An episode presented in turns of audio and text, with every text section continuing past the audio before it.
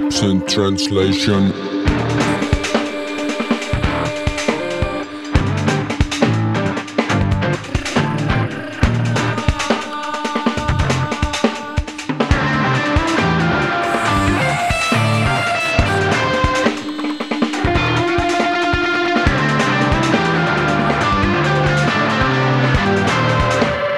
Absent translation. Absent Translations ehk tõlked eemalviibijatele on eksperimentaalne raadioformaat, mille raames Eesti kultuuritegelased jagavad teiega oma täiesti subjektiivseid elamuskogemusi. head kuulamist. tere tulemast, kallid kuulajad, fännid, järjekordne Absent Translationi osa teie ees ja seekordseks uuritavaks platvormiks on meie oma kodumaine Reddit, perekooli foorum. Ma tegelikult hakkasin alguses tegema seda osa LinkedInist, nagu Roman Sten soovitas, ma tegin sinna juba kasutaja, leidsin ülihea meemi, mida saab selle cover fotona kasutada ka.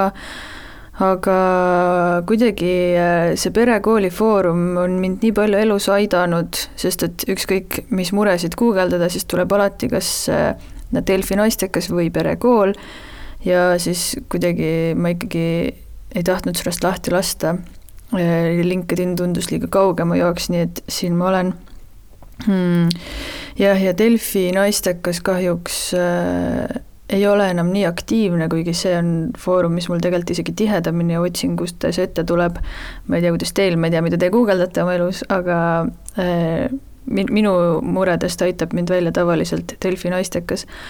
aga perekool see-eest on väga aktiivne, äh, postitusi on, äh, uusi postitusi, uusi teemasid on väga palju kogu aeg, iga erinev päev, kui ma olen seal käinud, siis on olnud seal äh, värskete teemade all jälle täitsa uued teemad ja äh, seal see, see on, see on väärt koht, kus käia.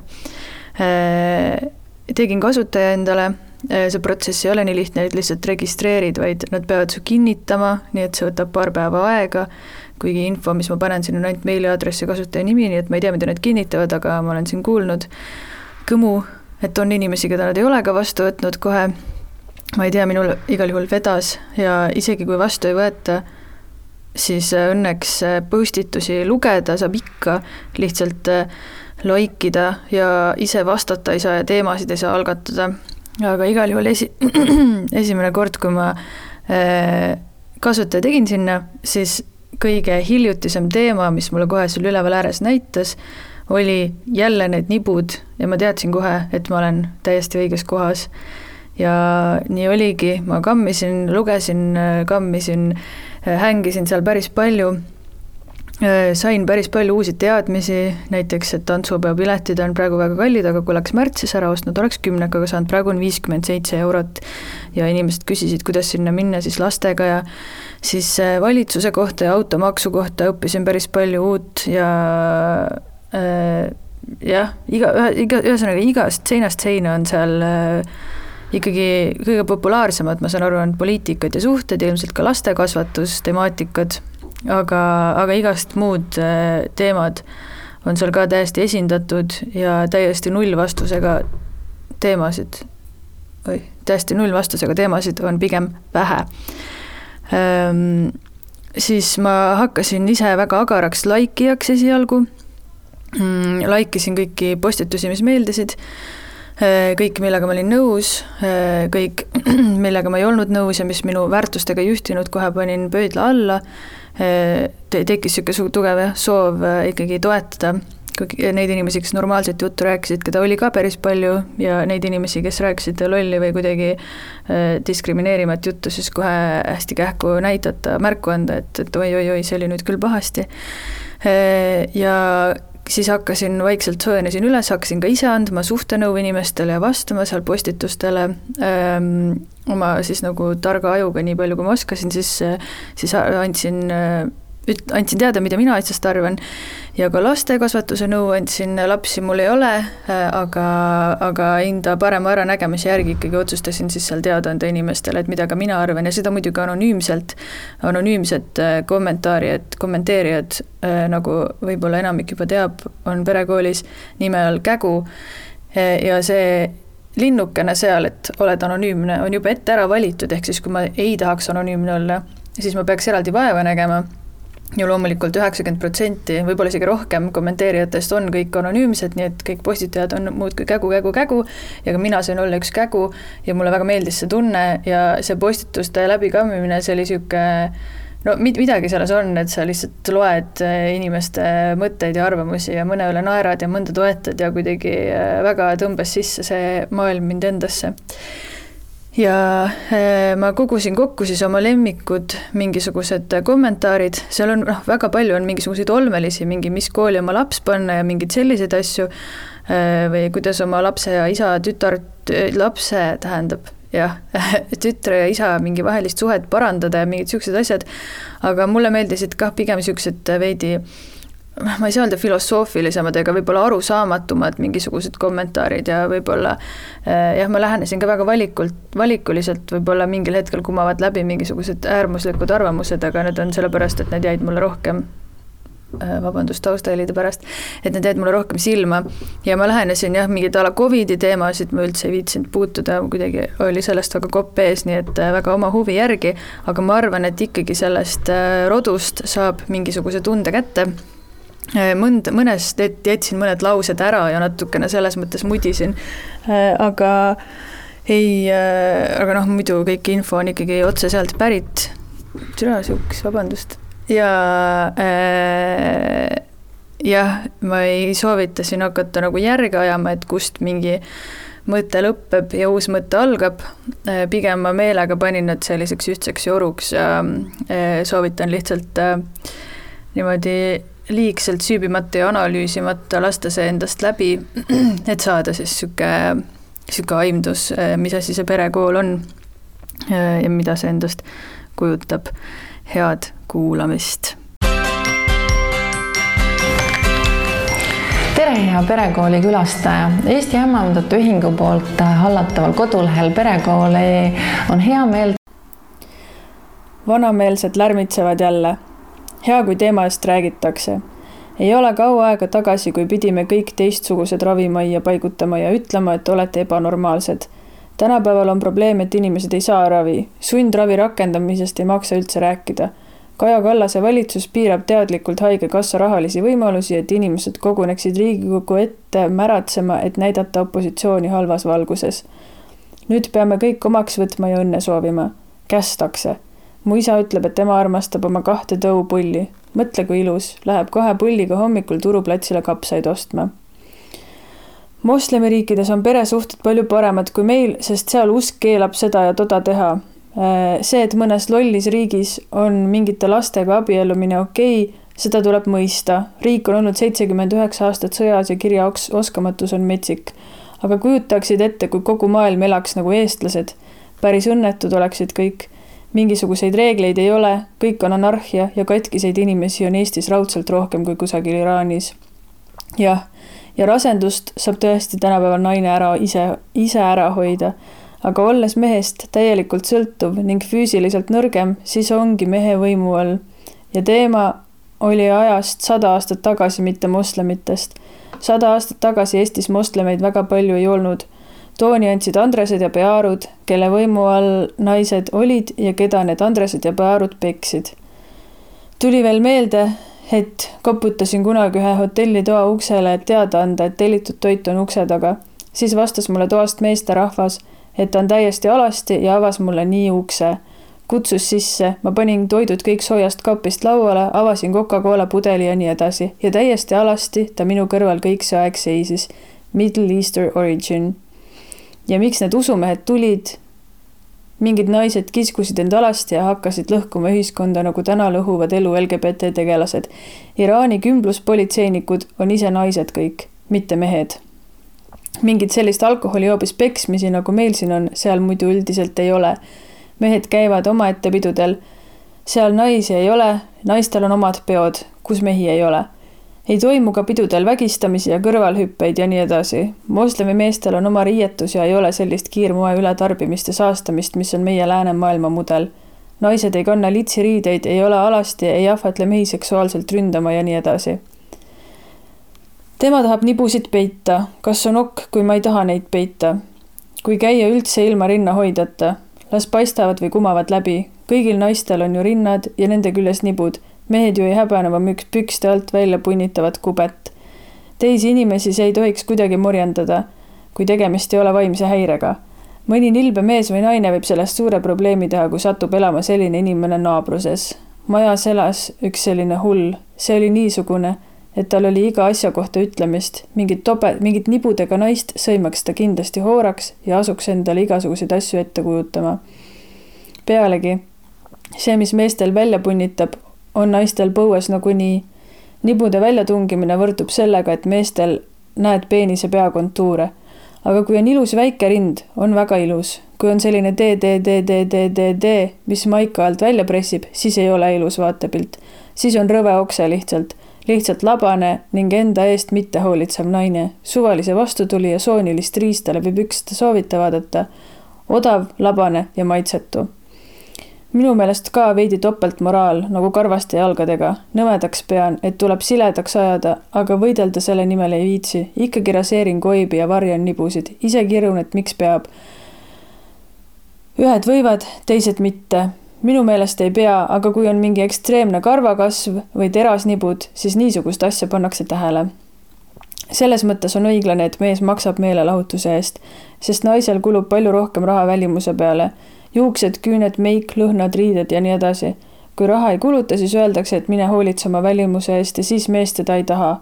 meestele meeldivad mukkitud naised, aga selle peale läheb ropp raha näiteks see Jan Uuspõllu uus armastus, keda nimetati piltilusaks naiseks, tal on juuksepikendused, kunstrinnad, süstid tehtud, kunstvärki väga palju, kallid riided ja ta on alles kakskümmend viis. mida vanem, seda rohkem raha kulub, siis, siis hakkavad juba hambad läbi minema, pluss veel iluoperatsioonid, et tasemel olla. meestel sellist kulu pole.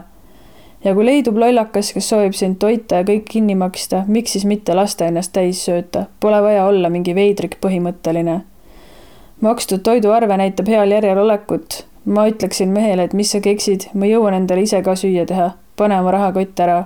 vastus, sul ilmselt pole ühtegi kleiti. Tuleb välja, et su mees osutub saamatuks või vaeseks või ihneks ja annab sulle majapidamiseks sada viiskümmend eurot kuus. sinu enda asi, kuidas pere ära toidad, aga toit peab õhtul laual olema, muidu võid füüsilise märkuse saada lisaks ei pea mees vajalikuks pesumasinat parandusse viia või uut osta ja pesed pesu käsitsi, kuniks mees suvatseb. kuniks mees suvatseb uue masina osta. mehel on teie abielu kõrvalt pidevalt armukesed, kellest mõni nakatab su mehega mõnda suguhaigusesse. Mees lahutama ei kipu, sest kodumasinast naise peale eriti raha ei kulu, kodu on korras, lapsed kasitud, söök laual kui lõpuks abielu lahutada soovid, jäetakse lapsed isale, sest sul ei ole sissetulekut, haridust, elukohta. uut meest on raske leida kuigi oled veel üsna noor, oled raskest elust närtsinud, sul on elu slepp ka järel lohisemas ning noori, säravaid ja lastetuid innukaid naisi on valikus küll. Haridust ei ole, kuna naistel pole kombeks väga töötada ja töökohti pole väga saada, hakkad koristajaks või lähed lüpsjaks. elad ühikas, sest rohkemaksu sissetulekust ei jagu. lapsi ei näe sa, sest su eksmees soovib nii ja juba elab sinu endises kodus ka uus noor naine, keda lapsed emaks peavad hüüdma miks küll mõned naised soovivad ikka veel täna sõltuda meeste suvast? ei usu, et see naine ilus on. tavaline puuk, ilusate naiste peikad ei käi perekoolis nõu küsimas. Õige mees teab ise, mis teeb, mitte ei otsi küsitavat abi kanafoorumist. oled tundetu kala, kes laseb oma elu merelainetel lihtsalt kanda, ei imesta, et inimesed siit normaalset tagasisidet ei saa kui sulle tundub, et sind ei kuulata, siis palju õnne. või teine variant on, et oled domineeriv ja kriiskav inimene, kelle hääle hertsidest hakkab igalühel kõrvadest sita vett jooksma. ära lase end vaigistada.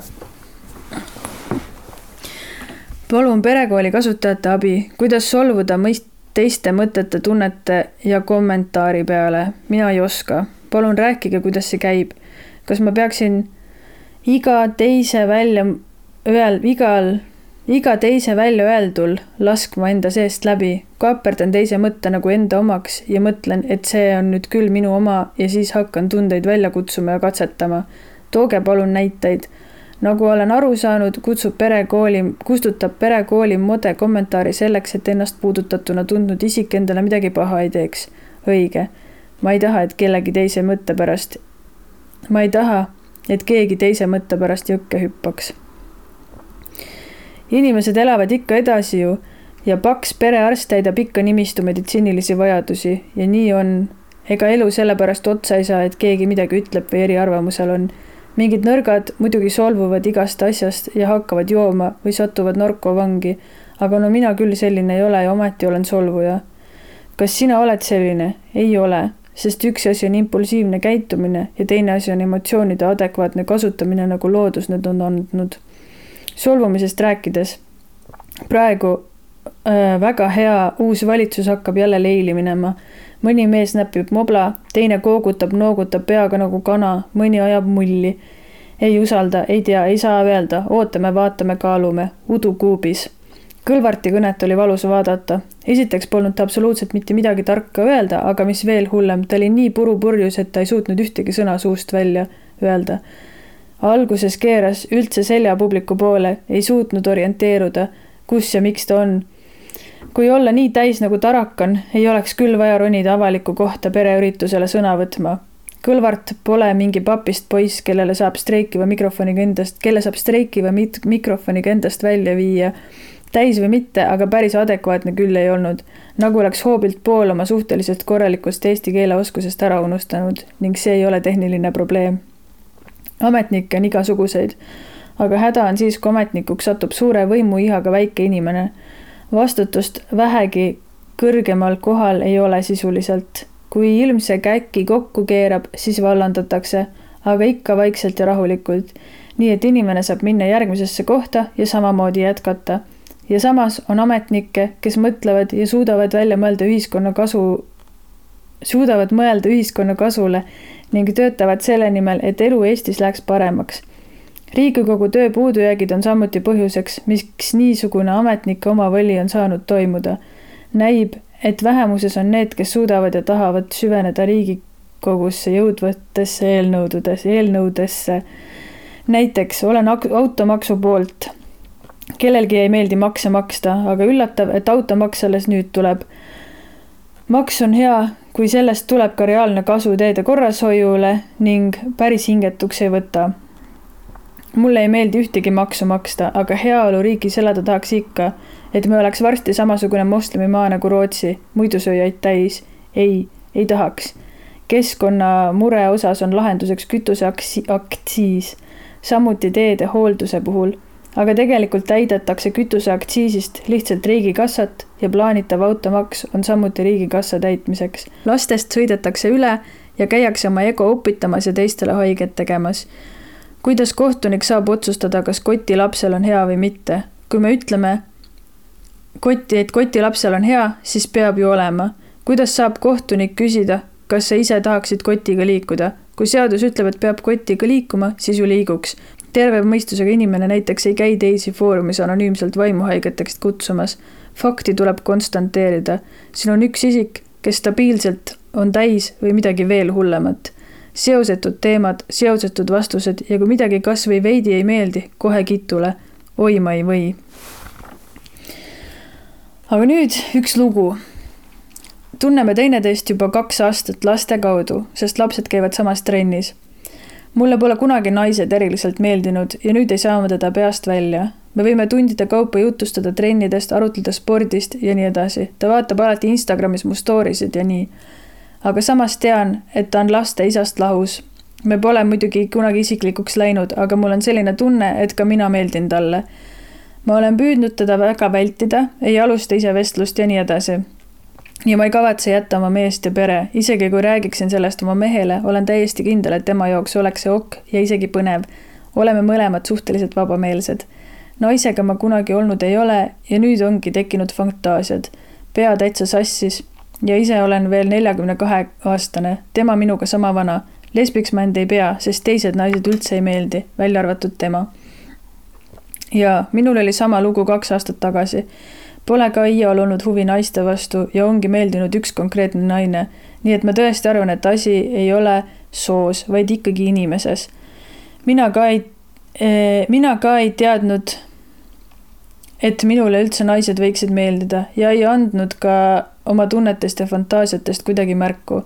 tunded läksid nii tormiliseks, et ma katkestasin temaga kõik suhted kui üks naine teeb teisele naisele keelekat, siis ta enam meest ei tahagi.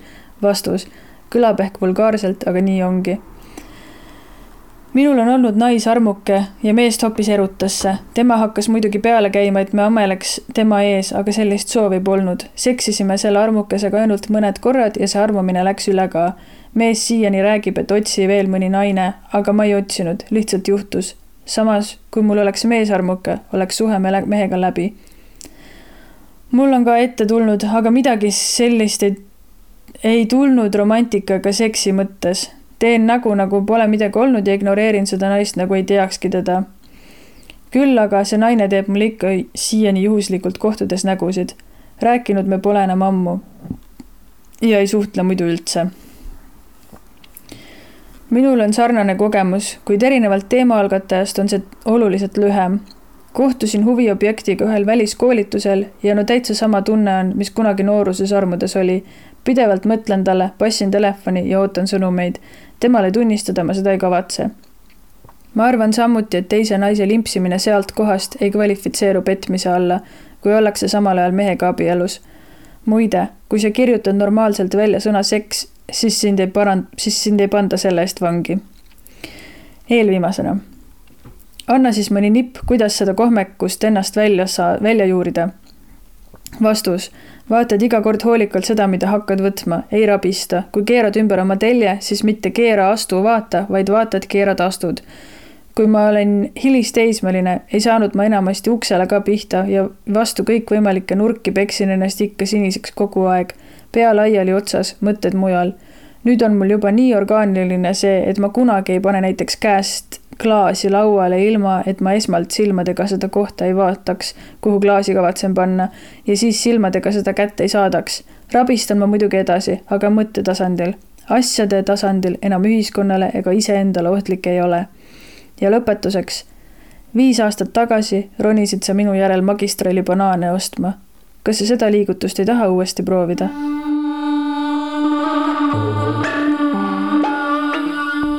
Absent translation.